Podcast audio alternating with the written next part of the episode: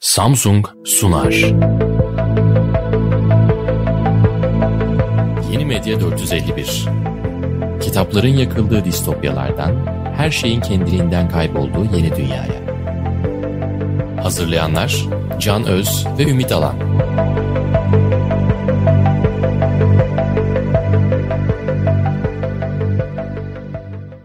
Merhaba, Samsung'un destekleriyle sunduğumuz Yeni Medya 451'in yeni bölümüne hoş geldiniz. Ben Can Öz, karşımda Ümit Alan. Bugün sesli yeni medyayı konuşacağız. Sesin internette, yeni medyada, hayatımıza çıkan enstrümanlarda neleri değiştirdiğini konuşacağız. Ve tabii ki bir takım alanlarını konuşacağız bu işin. Bir tanesi şüphesiz Clubhouse. Clubhouse ve benzerleri dediğimiz artık neredeyse bir sektör olan bir alan. Bunun başarılı mı, başarısız mı olduğunu ve neleri etkilediğini konuşup bize anlatmaya çalışacağız. Diğer yandan sesli kitap piyasası çok daha eskiden beridir gelen bir piyasa. Bunun ne durumda olduğunu size anlatacağız. Ardından sesli kitaptan çıkmadan hem sesli kitap hem podcast alanını ilgilendiren Storytel Den Berk İmamoğlu ile program için bir küçük röportaj yaptık. Onun beyanlarını söyleyeceğiz size. Onun da verdiği çok ilginç bilgiler var. Böylelikle dünyada ve Türkiye'de neler oluyor karşılaştırmalı olarak görebileceksiniz. Ardından da birazcık podcast'e gireceğiz. Tabii podcast ile ilgili daha sonra özel podcast özel bölümde çekeceğimiz için bu biraz yüzeysel bir yer olacak. Böyle program düşündük değil mi Ümit? Evet. Programların girişi bu sefer değil mi diye sorduğum için evet demen çok daha yerine oturmuş oldu. Abi nerede duruyor ses?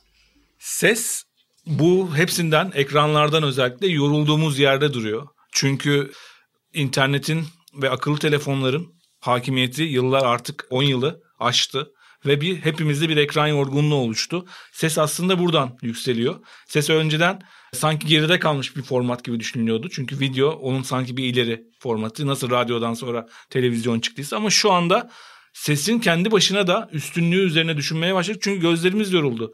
Pandemiden sonra özellikle bütün iş dünyası da Zoom toplantılar da işte Zoom gibi programlarda gidince ses artık bu ekranı kaydırmak, ekrana bakmak ve onun yarattığı yorgunlukla alakalı bir yere yerleşti.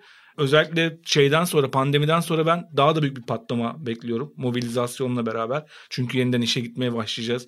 Yeniden tatillere, yeniden daha fazla yürüyüşlere.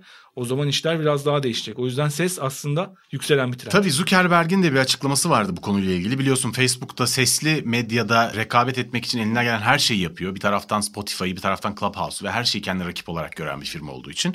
Bu konuda yaptığı bir açıklamada da Zuckerberg sesli medya başka işleri de yaparken en kolay tüketilen medya olduğu için artık birinci sınıf medya muamelesi görmeyi hak ediyor diyor.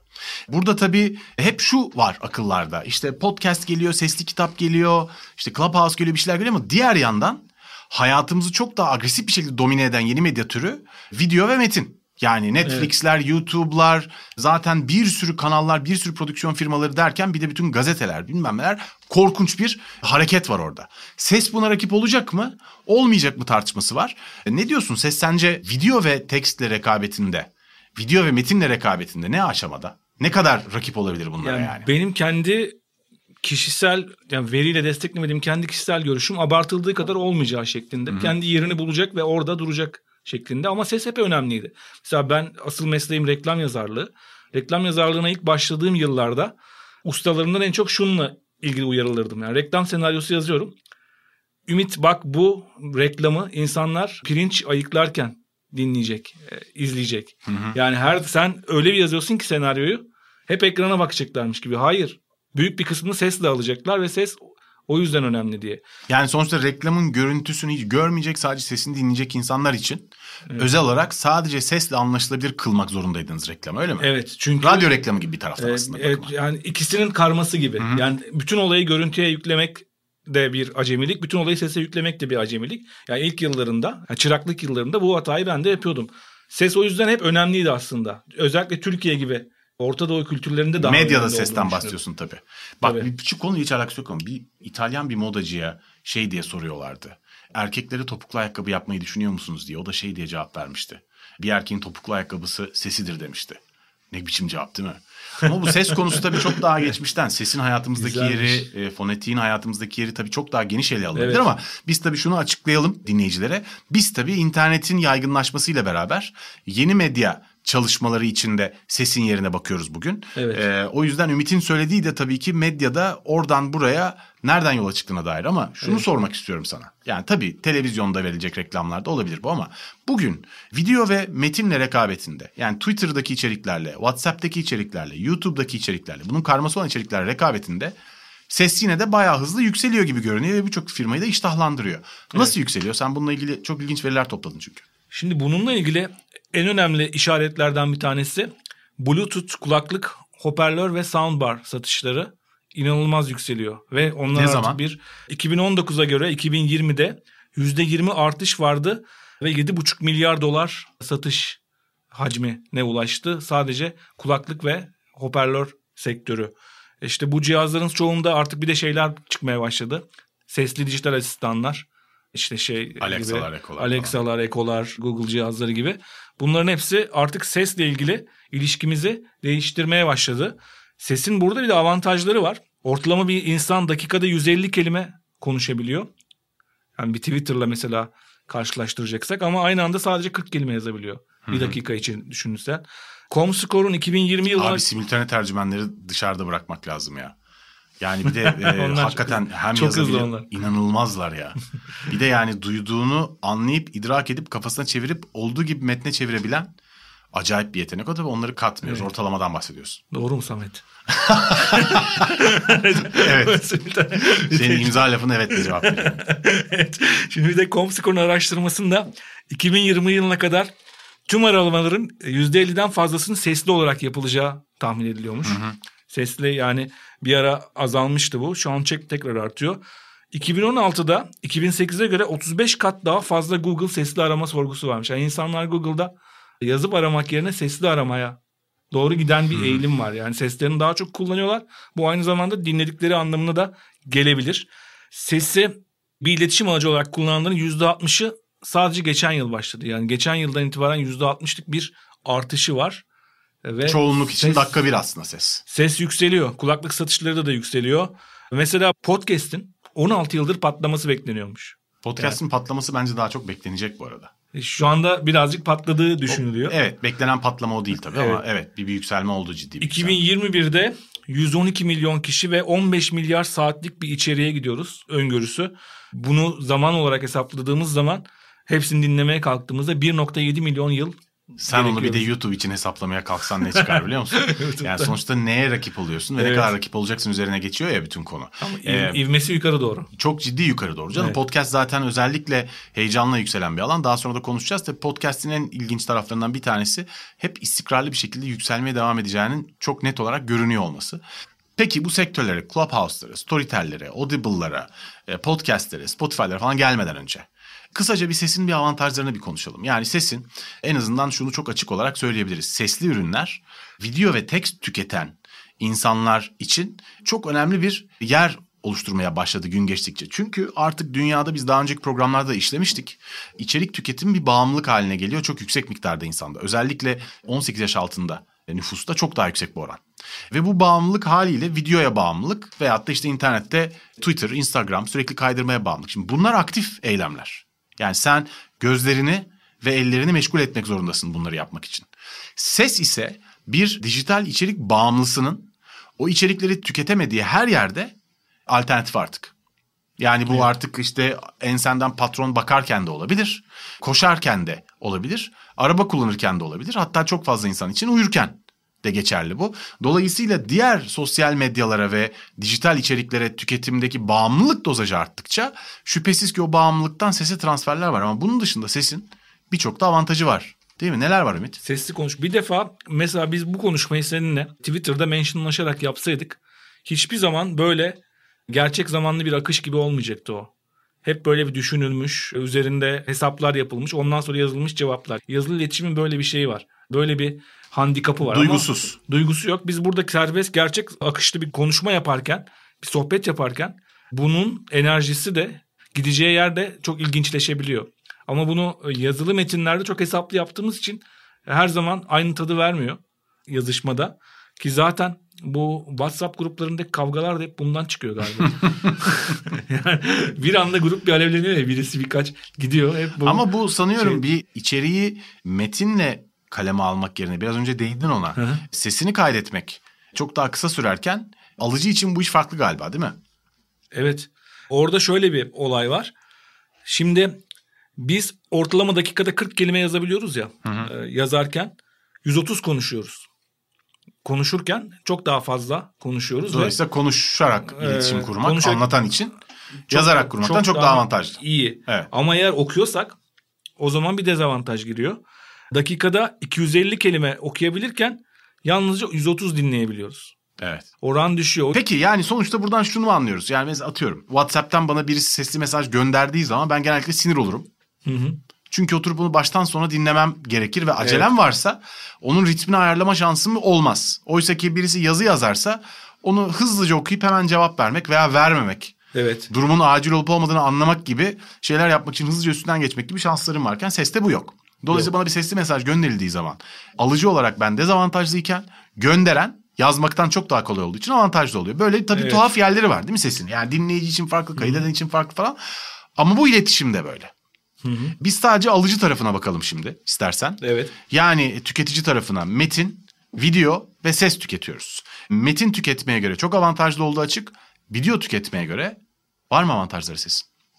Biraz önce de konuştuk. Evet yani imkansızsa aktif bir şekilde videoyu izlemen ses hiç şüphe yok. Evet. Peki mümkünse sesi niye tercih edesin? Video izlemem de mümkünse sesi niye tercih ederim? Evet. Başka bir işle ilgilenmek için. En Anladım. Zuckerberg'in de söylediği gibi multitasking meselesi Evet aslında. mesela buraya gelmeden önce ben 5 kilometre kadar yürüdüm yürüyüş parkurunda. Dışarı çıkmadım bu arada. Ceza yemeyeyim. Site içerisinde yürüdüm. Yürüyüş parkurunda. 5 kilometre yürüyüşte Kemal Tahir dinledim. Ve çok da keyifli bir yürüyüş oldu. Ama yürüyor olmasaydın ve oturup bir video izleme şansın olsaydı yine Kemal Tahir dinler miydin? Yok Kemal Tahir'i okumayı tercih ederdim. Okumayı tercih ederdin değil mi? Evet. Böyle ilginç bir yerde duruyor işte ses. Bunu birazdan da konuşacağız. Şimdi yavaş yavaş sektörlere ve alanlara girelim mi? Biraz Clubhouse konuşalım istiyorsan. Tamam. Hayatımıza zehir gibi bir hızla girdi. Clubhouse tabii bundan önce 2020'de ilk yatırımını aldığında 100 milyon dolarla değerlenmiş bir şirketti. Ondan sonra ilk bir yatırım turuna çıktı ve o yatırım turundan aldığı yatırımla hisseleri karşılığında değeri bir anda 1 milyar dolara çıktı. Ve özellikle 2020 başından bir uçuşa geçti Clubhouse ve ondan sonra en son Nisan'da aldığı yatırımla değeri 4 milyar dolara çıktı. Clubhouse başarılı mı başarısız mı ne diyorsun? Bana göre başarısızlığa gidiyor. Ee, ve hızla gidiyor. Eğer bir şeyleri değiştirmezse ki biz bu hafta bu bölüme daha karar verdikten sonra Android'de de 9 e, Mayıs'ta çıkmaya başladı. Evet. Amerika'da İngilizce konuşan bazı yerlerde başladı. Türkiye'deki Android kullanıcılarına henüz gelmedi. Ama bu yayın ne zaman dinleneceğini bilmediğimiz için. Daha var çünkü Evet. yaptıkları blogda yaptıkları açıklamada zaten bunun çok erken beta olduğunu ve daha çok işleri olduğunu söylüyorlar. Zaten toplam indirme sayısı senin söylediğin o patlama döneminde Şubat ayında 9.6 milyona ulaşmış 2021 Şubat'ında ama Mart ayında da %72 düşmüş. Evet. Ve düşmeye de devam ediyor. Eğer bu Android şeyiyle falan olmazsa herkes bir bakıp çıktı gibi. Özellikle Türkiye'de de öyle. Herkes yani ben bir girdim bir hafta oyalandım çıktım. Abi şimdi buradaki rakamlar ilginç. Şimdi tabii biraz yeni. Clubhouse'un şu an başarılı mı başarısız mı olduğunu belki bundan birkaç ay sonra daha net görebileceğiz. Çünkü aslında çok yeni düştü. Yani burada baktığında Clubhouse'un store'larda indirilme rakamlarına baktığında, telefonlara indirilme rakamlarına baktığında özellikle Ocak'ta ve Şubat'ta bir düşüş olsa bile yine de chartlarda, listelerde ilk yüzde veya ilk iki yüzde illa olduğunu görüyorsun. Hatta Şubat'ın başında ilk 20'lerde falan bire de çıktı oluyor bir anlık falan. Ama şu an bugün itibariyle 12 Mayıs itibariyle buraya gelmeden hemen önce baktım son indirme rakamları da 600. sıraya düşmüş. Başka bir şey daha var. Clubhouse'un CEO'su Paul Davidson Nisan'da yaptığı açıklama. Bu durumda bu Nisan öncesini işaret ediyor diye tahmin ediyorum. Mart olabilir. 10 milyon aktif kullanıcılarının olduğunu söylüyor. Mart'ta zaten çok yüksekti Clubhouse. Yani indiren sayısı çok yüksek olmayabilir. Ama indirmiş insanlar zaten. İndirilme sayı onlar bir de kullanıyorlar. Daha az insan indiriyor. Önce indirenler de kullanıyordu. Yani dolayısıyla çok yoğun kullanılıyordu ve sohbet odaları doluydu Mart'ta hep. Biz çok yayın yapıyorduk. Evet 5K'lık bir sürü o da vardı. 5K'lık bir süre oda vardı ve yani benim arkadaş listemde her baktığımda en az bir 30-40 kişi Clubhouse'da oluyordu. Şimdi bugün bakıyorum 3 kişi oluyor maksimum. Onda birine düştü yani benim evrenimde en azından. O küçük bir evren tabii Clubhouse'un bütün için ama. Yani yüzler civarı bir- görüyorum ben. 100 150 oralara indi. Ya şimdi evet yani şimdi burada dolayısıyla çok yeni yaşanmış bir düşüş var. Bu düşüş ne kadar sert bilmiyoruz. Android'e çıkma bunu ne kadar bertaraf eder bilmiyoruz. Ama yani ileride anlayacak olmaya rağmen bugün hepimizin gözlemi sanıyorum. Ölüyor gibi görünüyor Clubhouse değil mi? Evet eğer bir ani bir yükselişe geçmezse tekrar bir şeyler yapılmazsa ölüme doğru gidiyor. Ya benim kendi deneyimimde konuşmalar o kadar kontrolsüz ve şey gidiyor ki hiç kimse profesyonel bir konuşmacı olmadığı için konuşma kültürü de yazma kültürü kadar yaygın bir kültür olmadığı için insanları eğlendirecek şekilde konuşma. O yüzden bir insanlar baktı böyle birileri konuşuyor. Herkes bir kendi one man şovuna girişiyor. Şu tiplere çok rastlamaya başladık. Başlamıştık. Yani ben ondan sıkılmıştım en çok. Ben şimdi olaya farklı bir açıdan bakacağım diye başlayıp herkesle aynı aynı yerden devam eden adamlar. Yani konuşmaların biraz içeriğiyle ilgili Ya burada konuşmalarda Problemler problem oldu. yok. Burada moderasyon problemi var. moderasyon da çünkü o profesyonel değil. Ya Yani ilk zaten defa bak yapamam. bir şey söyleyeceğim sana. Türkiye'de genel olarak medyada zaten iyi moderasyon, iyi moderatör Evet. çok çok az. Feci underrated bir alan moderasyon Türkiye'de. Değeri bilinmeyen, yeterince de yetişmeyen, insan yetişmeyen bir alan. Clubhouse'da ise zaten burada bir moderasyon yapılması gerektiğini bile anlayamadığın insanlar oldu bitti zaten Clubhouse. ya çünkü şu bizde çok oluyordu. Bizim Sokrates'te de Clubhouse'da bir alay etkinlik yaptık. Önce arkadaşlara biraz söyledim bunlara dikkat edelim falan diye ama devam etmeyecektir bir ihtimal diye düşünerek çok da üzerine düşmedik. Devam etseydi bugün bu kısmını daha ciddiye alıyorduk. Ama şöyle bir problem vardı. Giriyordun sohbet odasına. Bir moderatörümsü yetkilere sahip birisi olmakla beraber sohbeti modere etmiyordu. Modere etmediği gibi doğru dürüst çoğunlukla çok fazla insana söz hakkı veriyordu. Söz hakkı verilen insanlar da söz hakkını aldığı yerde durup program sonuna kadar arada lafa giriyorlardı. Böyle olduğu için de insanlar hiç ilgilenmedikleri insanların hiç merak etmeyecekleri çok kötü retorikle anlatılan fikirlerini oturup dinlerken çıkıyorlardı falan. Çok sıkıcı görünüyordu. Ancak çok ilginç bir veri var. Input Mag dergisindeki bir makalede şunu anlatıyor 3 aşağı 5 yukarı. Clubhouse'un yükselişinden sonraki hızlı düşüşü gelişmiş batıda aşılanma hızının artmasıyla paralel diye bir yorum var. Dışarı çıkmaya başladılar. Bilmiyorum. Ama Clubhouse'la beraber diğer medyalar nasıl etkilendi vesaire diye verilere ulaşamadık. Şu an dediğim gibi çok yeni çünkü. Bundan iki ay, üç ay sonra bunları çok daha iyi göreceğiz. Ama bu mantıklı bir açıklama hakikaten. Evet demek ki tam açılma olduğunda iyice düşmeye başlayacak ve ve bir de bu davet sistemi de bir yandan iyi gelirken yani bir özendiriyor ama bir yandan da çok içerideki kitleyi çok nişleştirip eğlenceyi kısıtlıyor gibi. Özellikle İsmail Postalcıoğlu değinmiş. Bunu şeyde veririz linkini. İsmail Postalcıoğlu şuna değinmiş. Türkiye'de çok LinkedIn bazlı bir şeye gitti. Çünkü davet ya herkes iş dünyasından insanlara da, da davet Ee, ediyor ve bir anda böyle bir beyaz yakalı Olabilir de şunu unutmamak dönüştü. lazım. Sonuçta e, Türkiye'de ezici çoğunluk Android kullanıyor. Bir de o var. Onlar Nüfusun. daha geliyorlar gelmediler. Şimdi Android'e geçtiğinde aslında daha yaygın olarak Türkiye dahil olacak bu işe. Android'e geçtikten sonra, Türkiye'de Android açıldıktan sonra ne olacak göreceğiz. Ama Evet. tabii ki hem davetiye usulü hem tek platformda ve çok daha dar bir yüzdede kullanıcısı olan platformda olduğu için doğal olarak böyle. Ama bu değişecek dünyada buna hiç şüphe yok. Evet. Ancak şey çok ilginç. Bloomberg'de çıkan bir habere göre, Nisan sonlarında çıkan bir habere göre Twitter'dan ismini vermek istemeyen bir kaynağın Bloomberg yetkililerine verdiği bilgiye göre Twitter'la Clubhouse 4 milyar dolara Clubhouse'un Twitter'a satılması ile ilgili görüşmeler halindelermiş. Miş diyorum çünkü Bloomberg haberi de İngilizce'de mişli geçmiş zaman yok ne yazık Evet. ki ama onun İngilizce cümlesi var orada yani. ya o Bilmiyorum. zaman Spaces'i niye Twitter yatırım yapıyor? Açmadı gerçi de şey tamam. E, Spaces'e yatırım yapıyor da Spaces bir taraftan beta halinde çok dar kullanımda bilemeyiz ne olacağını. Evet. Bir de bu firmaların her zaman istedikleri şey kendileri üretmek değil rekabeti yok etmek de olabilir. O ne düşündüklerini tabii ki bilemeyiz. Ya bir de bir Twitter sesli tweet'i aktivite aktive etti. Bende bayağıdır var ama hiç Sen bir de anket yaptın onunla ilgili. Evet, onunla ilgili anket yaptım. Ne Ee, çıktı sonuç? Ben şöyle bir soru sordum. Önce bir sesli tweet attım. İlk sesli tweetimi attım. Neden hiç kullanılmıyor diye böyle bir şey bir sesle sabah yeni uyanmış bir sesle. Evet evet. Değil. Sesli Ee, tweetle. Pazar günü gazete okuyan baba sesiyle atmışsın Twitter'ı. evet. Pazar değildi gerçi. Pazartesi günüydü ama demek ki dünden kalmışız. Pazartesi sesli tweetle neden kullanmıyorsunuz diye sormuşum. Haberim bile yoktu diyenler yüzde 44. Hiç ilgimi çekmiyor diyenler yüzde 46. Yani haberim olsa da ilgimi çekmiyor. Cihazım desteklemiyor ki bazı Android cihazlarda hala yok. Yüzde 4. Yaygınlaşırsa kullanırım diyenler yüzde altı. Yani burada bir tabii her zaman yeniliklere karşı bir direnç olur. Ya bana bir şey eklendiğinde Twitter'ı ben yazı olarak benimsedim. Oranın 140 karakter hadi şimdi sonra 280'e çıktı bir şey var. Öyle bir olayı var. Oraya bir de ses ekleyince sesli tweet ya da bir başka bir şey saçma geliyor bana ya. Evet, Onun için açmışsın zaten. Bütün güzel yemeklerin hepsini bir araya getirince daha güzel bir yemek çıkacağını sanmaya benziyor. evet bu ama. şey gibi. Yani Ee, Twitter tabii sürekli olarak bir takım gelişmeler arayıp bunları beceremeyen bir firma olduğunu unutmamak evet lazım. Yani Vine'ı aldı batırdı. Maalesef böyle bir problem var. E, Periskop'un da durumu şu an ortada. Periskop da Milleti kapan- dolandırdılar. kapanmak yani. üzere. E, dolandırdılar millet sonuçta. Paraları yani. vermemişler. Paraları vermediler falan yani bir yani Twitter bütün bu adı en büyük sosyal medya firmalar arasında en beceriksizi. Hiç şüphe yok. O yüzden zaten Twitter'a baktığında Twitter'ın Spaces'i becerme olasılığı da Clubhouse alırsa oradan yeni bir dünya yaratma olasılığı da hani geçmişine baktığında çok düşük görünüyor açıkçası. Yani eğer çok başarılı bir şey çıkartırsa Twitter kaderi değiştirmiş falan olacak. Çünkü gidişat o gidiş yani. Yine bu Clubhouse'un başarısızlığıyla ilgili bu İsmail Postalcıoğlu'nun değindiği hani biz bir odaya giriyoruz ya. Hemen bütün takipçilerimiz o hangi odaya girdiysek görüyorlar. Evet. E, buradaki bu guilty pleasure bazı iş dünyasında çok ciddi bir insan olabilirsin. Ama mesela gece cinsel psikolojiyle ilgili bir odaya girmek istersin.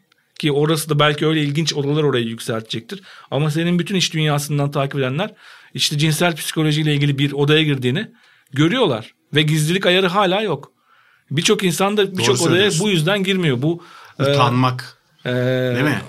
Utanç. Mikro itibar yönetimleri falan. Evet. Doğru söylüyorsun. Kesin bunun da etkisi vardır. Tamam. Şimdi bir de şeylere bakalım istersen kısaca. Yani buna rakip olarak veyahut da Clubhouse Copycat denen Evet. neler yapılıyor? Mesela Facebook isteyenin video da açabileceği konuşma sırasında hotline uygulamasını duyurdu. Bunun testlerini yapıyor. Nisan'da duyurdular. Evet. Ee, bir yandan aslında senin sesli tweet benzeri Soundbites uygulamasını yakında devreye sokuyor. Soundbites biraz şey gibi.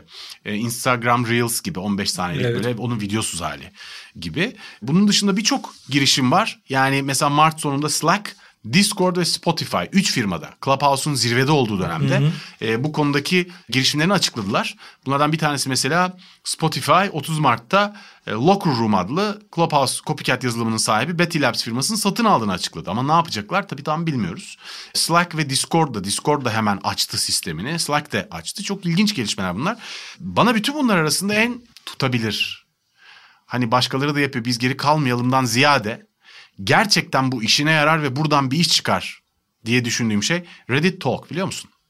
Evet, daha eğlenceli bir şey çıkar. Abi bir kere Reddit zaten tartışma platformu bir. Ee, Reddit'in içinde çok fazla subreddit var ve müthiş kitleleri var onların. Her birinin kendilerine özgü kitlesileri var. Yani Clubhouse'a girdiğinde veya böyle bir yere girdiğinde kaybolmak mümkünken orada her bir subreddit'in kendi Reddit Talk odası olması halinde çok kullanışlı olabilir. Reddit'in bir diğer özelliği dünyadaki bütün sosyal medyalar arasında en çok moderatör yetiştiren platform. Tartışmasız. O zaman oradan üstünlük bir de Abi her subreddit'in 15-20 tane plat moderatörü falan var ve çok gelişmiş moderasyon sistemleri kurulmuş Reddit'te yani. Hmm, emojilerle tepki verme ve avatar görünümünü değiştirme gibi bir özellik de ekliyormuş Clubhouse'dan farklı olarak Reddit Talk. Daha eğlenceli bir şey yapacağı Daha kesin. eğlenceli bir şey yapacak. Bir de mesela Reddit'te amalar vardır biliyorsun. Ask me anything. Bana ne istiyorsan Evet. sor. Çok yaygın yapılır bu. Dolayısıyla sen bir Reddit'te yapacağın amayı Reddit Talk'ta çok rahat yapabilirsin ve o subreddit'in izleyicileri, okurları küt diye altında pıt pıt pıt toplanabilirler. Dolayısıyla moderasyon becerisi de komünitelerin hepsinin zaten hazır cepte olması açısından da zaten bunu Reddit için aslında doğal bir ihtiyaç haline getiriyor. Oysa ki Facebook'ta, Twitter'da veya diğer firmalara baktığında bu bir ihtiyaçtan çok bizim müşterilerimiz başka yere gitmesin aman Evet, hani evet, evet. muyum? Hani karşıdaki restoranda atıyorum kebabın yanında bir şey vermeye başlamıştı da aman biz de verelim bizimkiler oraya gitmesin gibi.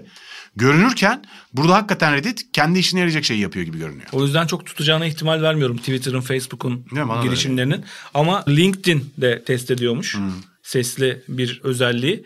Böyle bir sohbet olayı. LinkedIn hakikaten Clubhouse'un büyük bir kitlesini çekerse LinkedIn de başarılı olabilir. Çünkü orada da bu beyaz yakalıların boş konuşma özellikleri çok gelişkindir.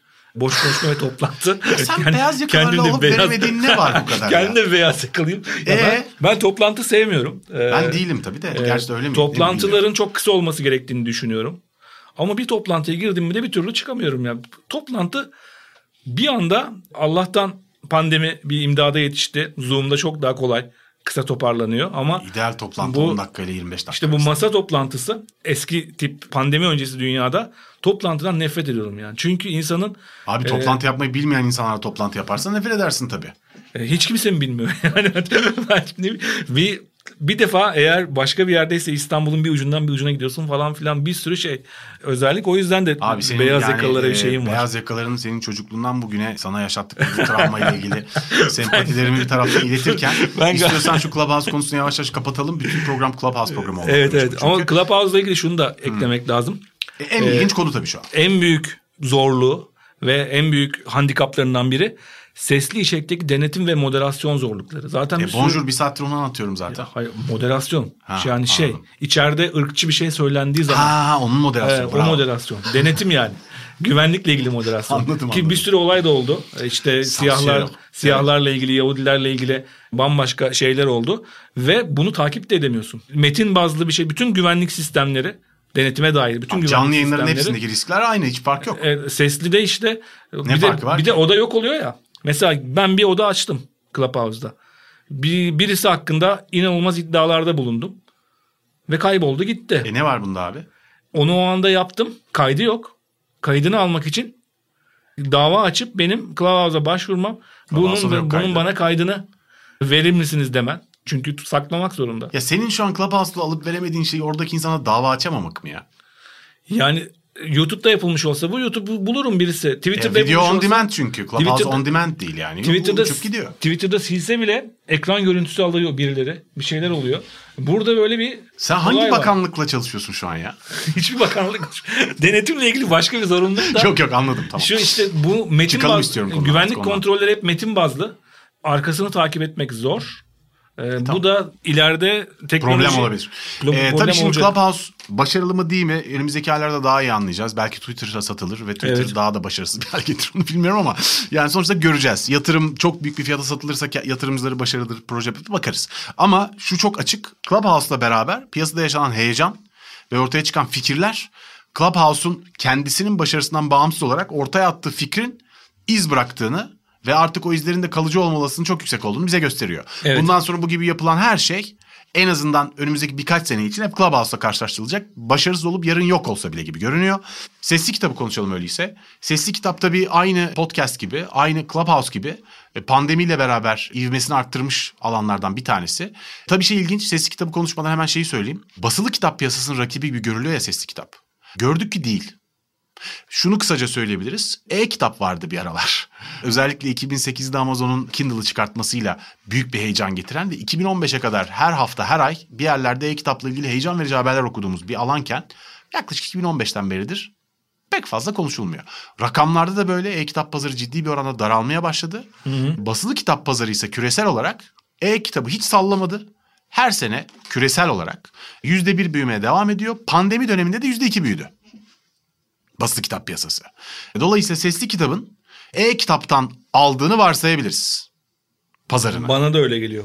Öyle görünüyor. Çünkü sesli kitap pazarı %36.4 oranında büyürken e-kitaplar da %5 oranında düşmüş. Evet ve düşmeye de devam ediyor. Şimdi sesli kitap pazarının büyüklüğü 2.67 milyar dolar. Ve bunun nereye gidecek diye bakarsan bütün öngörüler sende de var aynı rakamlar. 7 sene boyunca bundan sonraki 7 sene boyunca her yıl %20-25 arasında artacağı ve ne kadar 13.65 milyar dolar. 13.45 milyar dolar 2027'de ulaşması bekleniyor. Oraya ulaşması bekleniyor. Yani devasa bir hızla büyüyecek olan bir alan. Ve bu büyümenin en çok yaşanması beklenen yer İngilizce konuşulmayan ülkeler. Bu çok ilgimi çekti.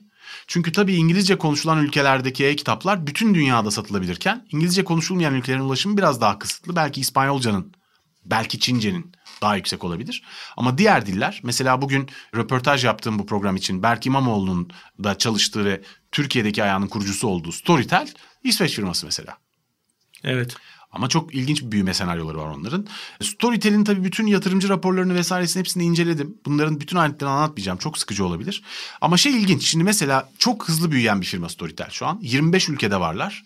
Bu 25 ülkede yıllık yarattıkları ciro aslında 1 milyar 881 milyon İsveç kronu. Yani bunu hesaplayamayanlar için şöyle söyleyeyim. Hesapladım da bunu 226 milyon dolara geliyor yıllık.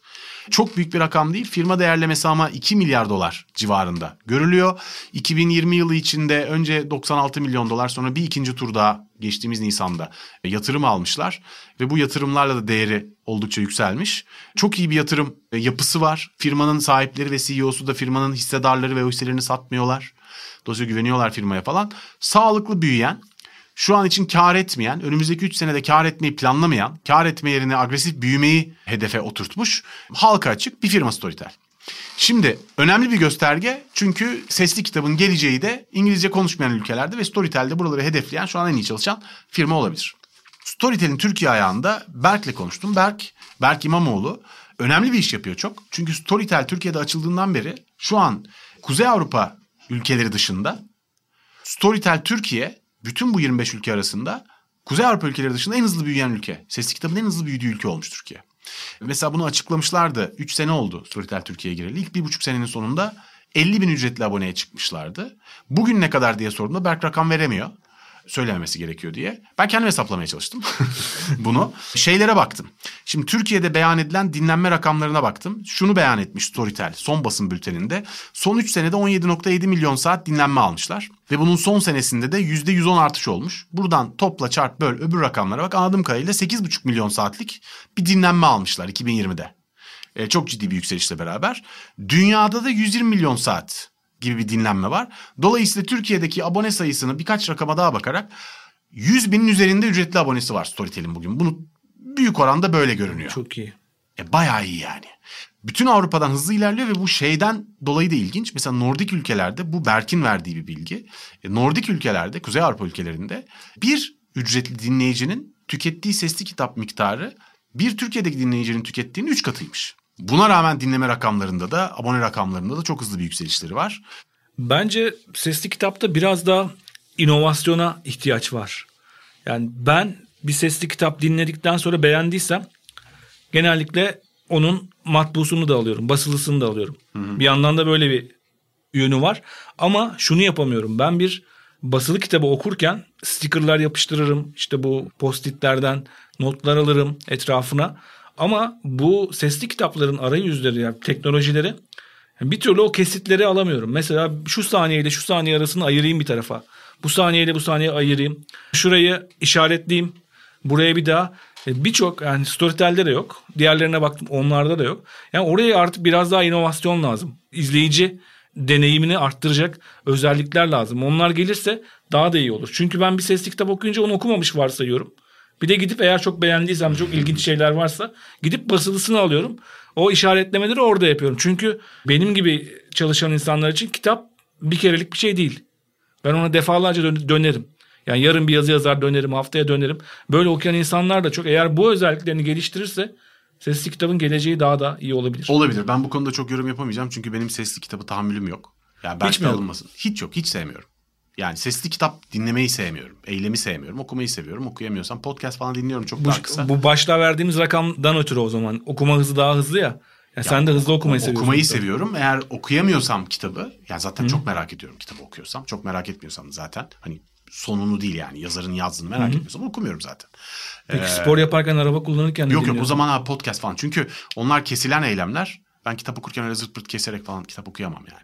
Hmm. Ee, onu öyle yapamam. Ama bana göre bir şey olmaması da bunun çok başarılı olduğunu gösteriyor. Peki şey soracağım bak. Hmm. Oyunculuk yapıyorlar ya okuyanlar bazen. Evet. Onun taklidine giriyor. Öyle mi okunmasını istiyorsun düz mü okunmasını Hayır, istersin? düz okunmasını istiyorum. Ben bir şey söyleyeyim bazen sana. Bence evet. en iyi okuyan kim biliyor musun Türkiye'de? Kim? Okan Bayülgen. Bence hiç, bir numara. Onu hiç dinlemedim. Yani hiç palavraya sokmuyor işi. Akıcılığı bozmuyor. Hakikaten sana kitabı okuyor birisi. Evet. Ama çok güzel okuyor. Yani zaten sesini çok iyi kullanıyor. Vurgularını çok iyi kullanıyor. Seslendirme yapılması gereken yerler yani diyaloglar vesaire gibi yerlerde. Hı. Sesini çok küçük bir farklılık yaratarak... Çok fazla oynamıyor yani. yani. Çok küçük farklı onu hissettiriyor sana. Çok çok iyi okuyor gerçekten. Ben de Gülse Birsel'in Haldun Taner okumuş. Hmm. Storytel'de yine. Hmm. Onu çok beğenmiştim. Gülse Birsel hakikaten içine girdim. Hikayeyi yaşadım. Oyun yapmadığı halde o kadar büyük hmm. oyun yapmadığı halde o kadar tatlı okuyor ki ben de onu söylüyorum. Evet ama dolayısıyla benim söylediğim şey çok çok da doğru olmayabilir. Ben bunu çok insanla konuştuğum için bir dönem bir sürü sesli kitapta yaptığımız için o arada dinlemek zorunda kaldığım için sesli kitapları falan üzerine düşünme şansım oldu ama tabii bunu esasen e, sesli kitap dinlemeyi seven birisine sormak lazım. Sen Bana peki değil. yayıncı olarak nasıl yaklaşıyorsun? Yani e, sen çok olumlu yaklaşıyorum canım. Kitabı istendiğinde bir kitabın Yani can yayınlarının Şöyle, politikası burada şimdi nasıl? Can Yayınları'ndaki görevleri tabii 2018'de Ali Granit'e teslim ettiğim için o tarihten beri aslında onun, için. onun yürütüm, yürütmesiyle gidiyor. Ama ondan öncesini söyleyeyim. Zaten sesli kitap Storytel olmadan önce seslenen kitap. Zaten Berk'le çalışıyorduk. Açıkçası hoşuma gidiyordu çok ama çok uğraşmıyorduk. Çünkü bir şeyi yoktu. Yani yazarları heyecanlandırmıyordu. Yazarlara bir gelir sağlamıyordu. Çok fazla ekstra iş çıkartıyordu falan filan gibi şeylerden şey yapmıyorduk ama Berk çok sürünerek yaptı o dönem işi. Yani biz beraber epey çalıştık. Birçok yayıncıyla beraber çalışıp onları ikna etmek için çok uğraştı. Şimdi bugün sesli kitaptan çok ciddi bir telif geliri var. Ki mesela Storytel bütün telif gelirinin %50'sini eser sahiplerine bırakır. Hı, yayıncıya yani. Yayıncıya eser- veya yazara onlara bırakır. Şimdi bunu böyle yaptıkları için yayıncılar, yazarlar, eser sahipleri çok daha ciddi bir gelir elde ettikleri için ve dinleme oranları ve gelirler arttığı için tabii şimdi herkes Berk'le çalışmak istiyor tamam mı? Şu endişe oluyor muydu başta? Ben bu kitabın seslik hakkını vermeyeyim satışları düşer endişesi oluyor Bende mu? yoktu öyle bir şey. İşte vardır. Diğer herhalde. yayıncılarda var mıdır? Var olanlar Bunu var. merak etmişimdir. Abi var olanlar var ama bak şunu söyleyeyim sana. Türkiye'de aklı başında olan yayıncılarda genel olarak böyle bir şey yok. Türkiye'de aklı başında olan yayıncılarda kitap yayıncılarında problem şu. Uğraşmak istemiyorlar bir şeyle. Temelde problem o. Yani bir şey değişmesin istiyorlar. Bizi kimse uğraştırmasın istiyorlar. Çünkü zaten ağır çalışmaya alışılmış bir iştir yayıncılık. E-kitaba da yaklaşım aynı şekilde değil mi? Yavaş çalışırlar yayıncılar. Yani o ama insanların karakterinden dolayı falan değil. Zaten o böyle daha huzurlu, daha yavaş çalışılan. İşte bu madem bu kadar beyaz yakadan şikayetçisin. Kimsenin o kadar toplantı yapmadığı. tamam mı? Ee, çok fazla işte KPI'lar, başarı kriterlerini falan havalarda uçuşmadığı. Dinamizmi daha düşük, daha konforlu bir iştir yayıncılık aslında. Normal şartlarda. Bu tabii değişti. Bu değişime adapte olmak istemedi birçok yayıncı. Bu da normal. Şimdi esas mesele oydu aslında. Evet. Bunun bize rakip olur, efendim başımıza iş açılır, hiç girmeyelim falan. Bunu diyen yayıncılar da oldu. E-kitapta hatta e-kitabı sabote etmeye çalışan yayıncılar oldu.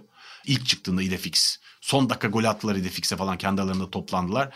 Ben de onlara sinir olup İdefix'e bir sürü kitabı ücretsiz verdim ve hani batıyordu. Çünkü çok ölü doğuyordu çünkü İdefix falan. Bir kampanya yapmıştık beraber ve hemen işte 15 günde hazırlayıp işleri dolu bir görüntü vermeye çalışmıştık İdefix'e çıkışında falan.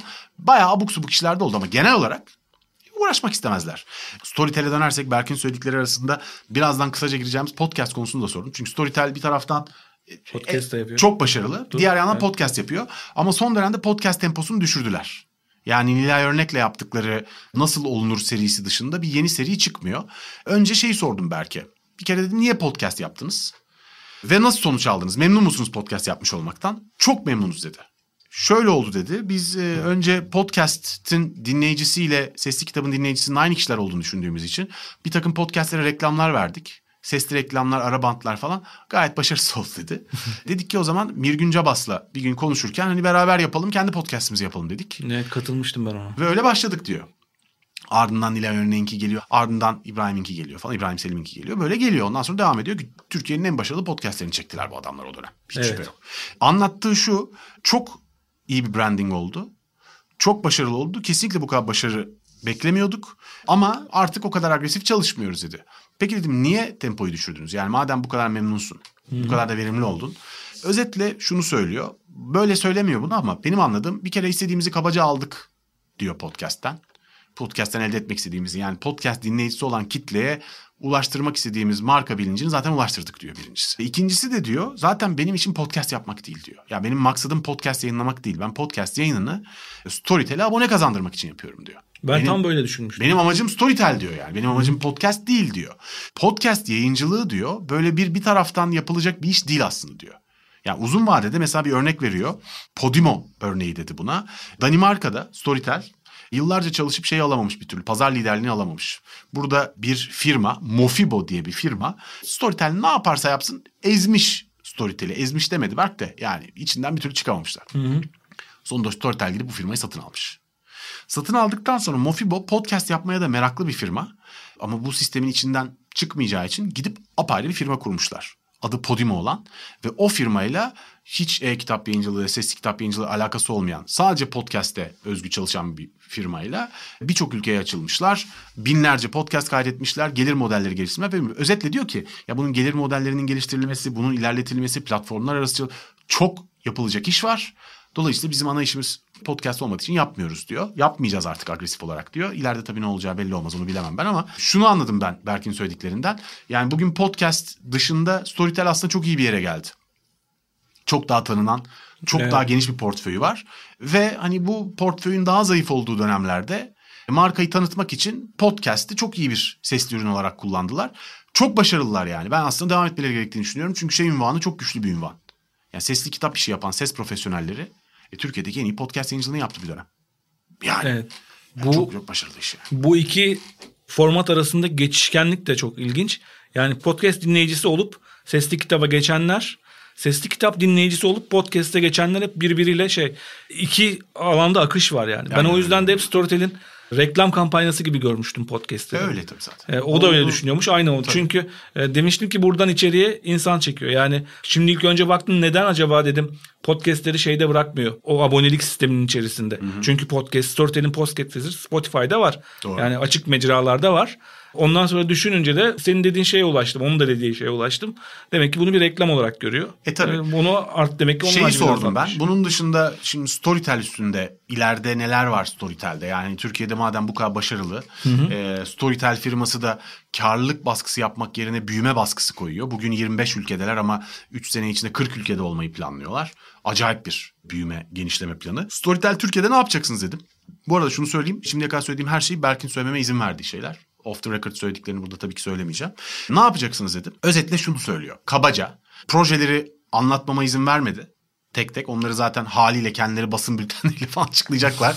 Bizim podcast'te tek başına kullanmak istemiyor o bilgileri. Ama şunu söyleyebilirsin dedi. Yani hem teknolojik olarak çok ilginç girişimler, heyecan verici bir girişim düşünceleri var.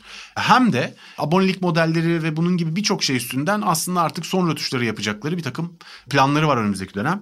Ama şunu da söylüyor yani dünyadaki diğer Storytel firmalarının yapmadığı şeyler de yapmayacağız diyor özetle. Yani çok merak ediyorsanız aslında diğer Storytel'ler neler yapmış diye bakarsanız özetle bunların Türkiye'ye uyarlanmış olduğu eksik gördükleri her şeyi bu sene içinde yapacaklar. Ve Berk'in söylediğine göre Storytel aslında paketi yeni tamamlıyor. İyi bir portföy, teknolojik altyapı, abonelik fiyat modelleriyle vesaireyle toparlamış oluyorlar ve bundan sonrası aslında bizim için hakikaten yeni başlıyoruz gibi bir dönem diyor. İlginç olacak. Ben Storytel'i Berk'in nereye götüreceğini çok merak ediyorum. Çünkü şimdiye kadar ne yaptıysa başarılı oldular. Gerçekten öyle yani. Bence de. Yani Türkiye için pek alışmadığımız şeyler bunlar. Ve Türkiye'ye öğrettiler bu kültürü. Öğrettiler. Ee, seslenen kitapla başlayıp da öğretmesi oldu. Buradan artık podcast'e geçebiliriz. Hadi herhalde. geçelim kısaca podcast Evet. konuşalım zaten. Bitirmeyelim çünkü zaten daha sonra yakında değil sevgili dinleyiciler. Biraz daha var. O lezzetli voleyi daha geç bir yerde bulacağız. Belki de konuklu yaparız. Belki de konukla yaparız. Evet. Ama podcast konusunu zaten ayrıca konuşacağız. Bir kısaca girelim ama. Podcast'te söyledik bütün dünyada yükseliyor. Daha da yükselecek diye. Amerika'da geldiği yerle Türkiye'de geldiği yer arasında acayip farklar var. Türkiye'de henüz emekleme aşamasında bile olmadığını söyleyebilirim. Yani daha ancak belini doğrultuyor.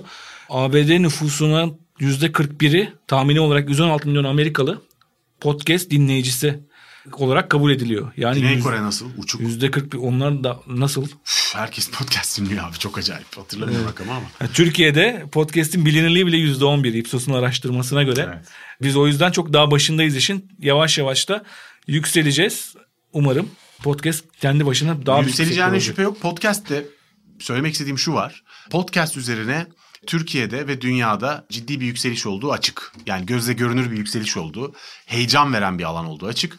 Türkiye'nin de tabii geriden gelmenin de etkisiyle muhakkak biraz dünyada en hızlı yükselen ülkelerden biri olduğu açık. E, podcast dinleyicilerinin yükselme yüzdesi, artış yüzdesi açısından.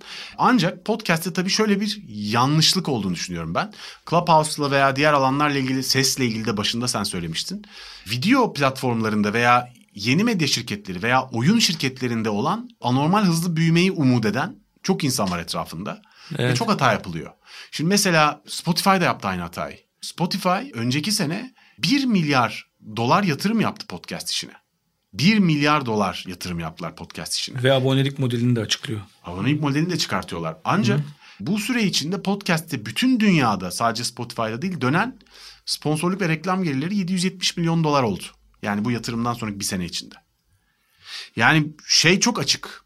Ya podcast'te çok hızlı yatırım yapan firmaların geri dönüş alamadığı ve alamayacağı çok açık. Çünkü podcast büyüyor, ısrarla büyüyor, istikrarla büyüyor ve çok açık ki büyümeye devam edecek. Zaten sesli kitap pazarında gördüğümüz büyüme rakamlarına çok paralel podcast'in büyümesi aslında.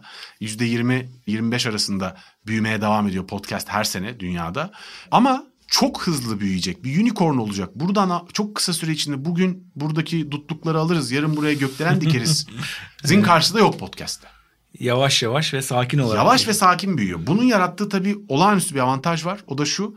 Mesela YouTube çok hızlı büyüdü. YouTube'daki birçok kanal da çok hızlı büyüyor zaten. Yani birden bir milyona çok hızlı çıkmak mümkün aslında. Bunun şöyle bir etkisi oluyor.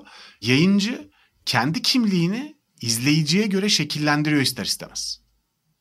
Çünkü çok büyük bir pasta var ve izleyiciler yaptıkları yorumlarla da podcast'te angajman yok denecek kadar az. YouTube'da çok yüksek e, yorumlardan ötürü. E, yaptıkları yorumlarla da bir anda yayıncının kimliğini çok kolay değiştirebiliyorlar. Yani sen aslında çok rahat istediğin her şeyi söyleyebildiğin bir YouTube programcısıyken bin kişi izliyor diyelim. Bir anda yüz bin kişi izliyor seni ve istediğini söyletmiyorlar sana. Başına bela alıyor çünkü. Veyahut da senden bazı şeyleri beklemeye başlıyorlar. Bazı espri türlerini dikte ediyorlar vesaire. Özetle Ana akımlaşıyor aslında. ana akımlaşıyor ve kendin olmaktan çok daha kolay çıkıyorsun. Çok kolay değişmen gerekiyor. YouTube gibi alanlarda. Doğru. Podcast'te %20 civarında büyüme olduğu için şöyle düşün. Senin 1000 dinleyicin varsa bugün bir sene sonra ortalamada bu 1200 olacak. Dolayısıyla o yeni gelen 200 kişi için azınlık olacakları garanti. O yüzden senin ilk yakaladığın 1000 her zaman çoğunluk olacak. Bu da demektir ki aslında hep grassroots ağırlıkta oluyor podcast'te. O yüzden de zaten podcast'te şunu çok görüyoruz. Podcast programlarında programı yapanlar programı nasıl başlamışsa kaç sene geçerse geçsin aynı üslupla yapıyorlar abi. Bunun Evet. temel sebebi bence bu. Yani çok hızlı bir büyüme olması halinde o kimlikler çok değişir. O kimlikler çok daha nasıl diyeyim daha piyasacı olur ister istemez. Çünkü YouTube öyle. Netflix de öyle. Yani böyledir bu. Yani bu yapacak bir şey yok. Doğrusu bu. Ama podcast'te böyle olmuyor işte. Podcast'te daha rahatsın.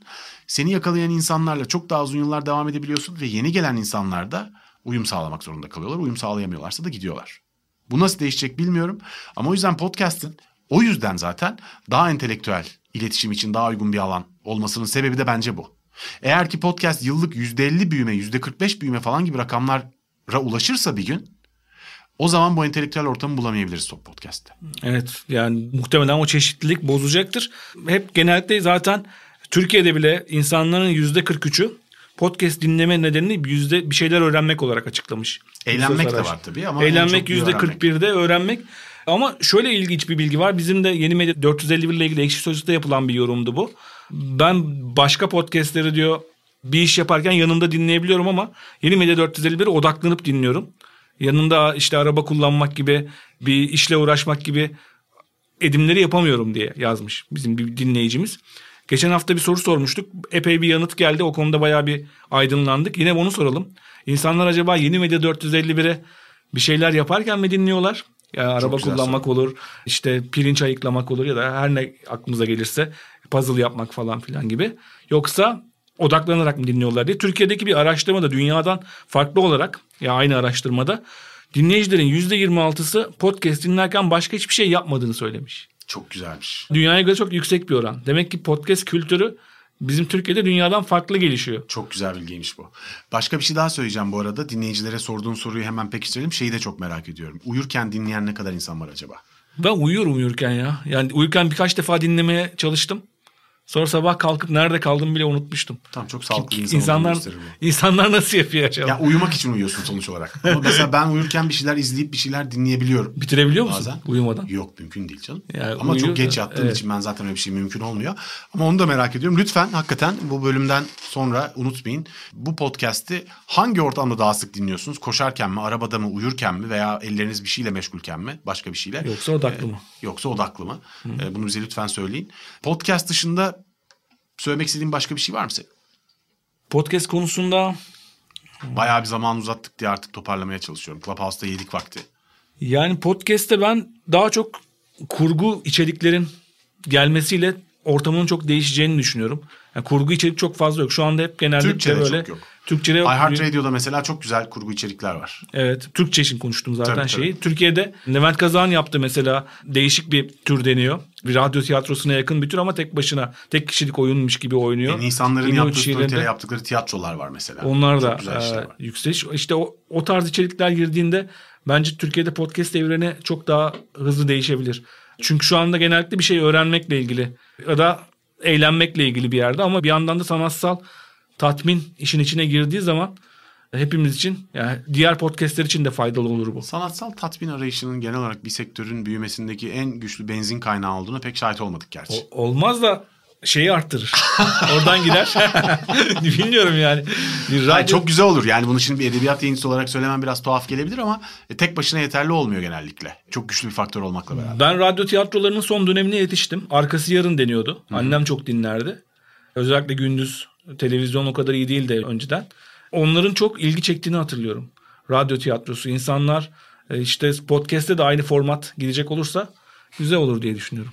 Bu konuda Podcast ile ilgili söyleyeceklerimizi daha sonraki podcast programına rezerve ettiğimizi söyleyelim. Podcast Evet, daha zaten- fazla çünkü çok fazla bilgi var elimizde. Evet çok fazla bilgi var elimizde. Biraz üstün körü geçtik. Biraz Storytel'de girdik. Programda süreyi epey uzattık. Tabii ses konuşurken uzatmamız çok normal ama artık yavaş yavaş toparlama haline geçelim. Senin şimdiye kadar söyleyemediğinin izleyicilerle pardon dinleyicilerle paylaşmak istediğin elinde neler var? Ya benim bir arkadaşım var Cem Oskay diye hep şunu soruyor bize. Onu sorarak bitireyim kendi şeyimi.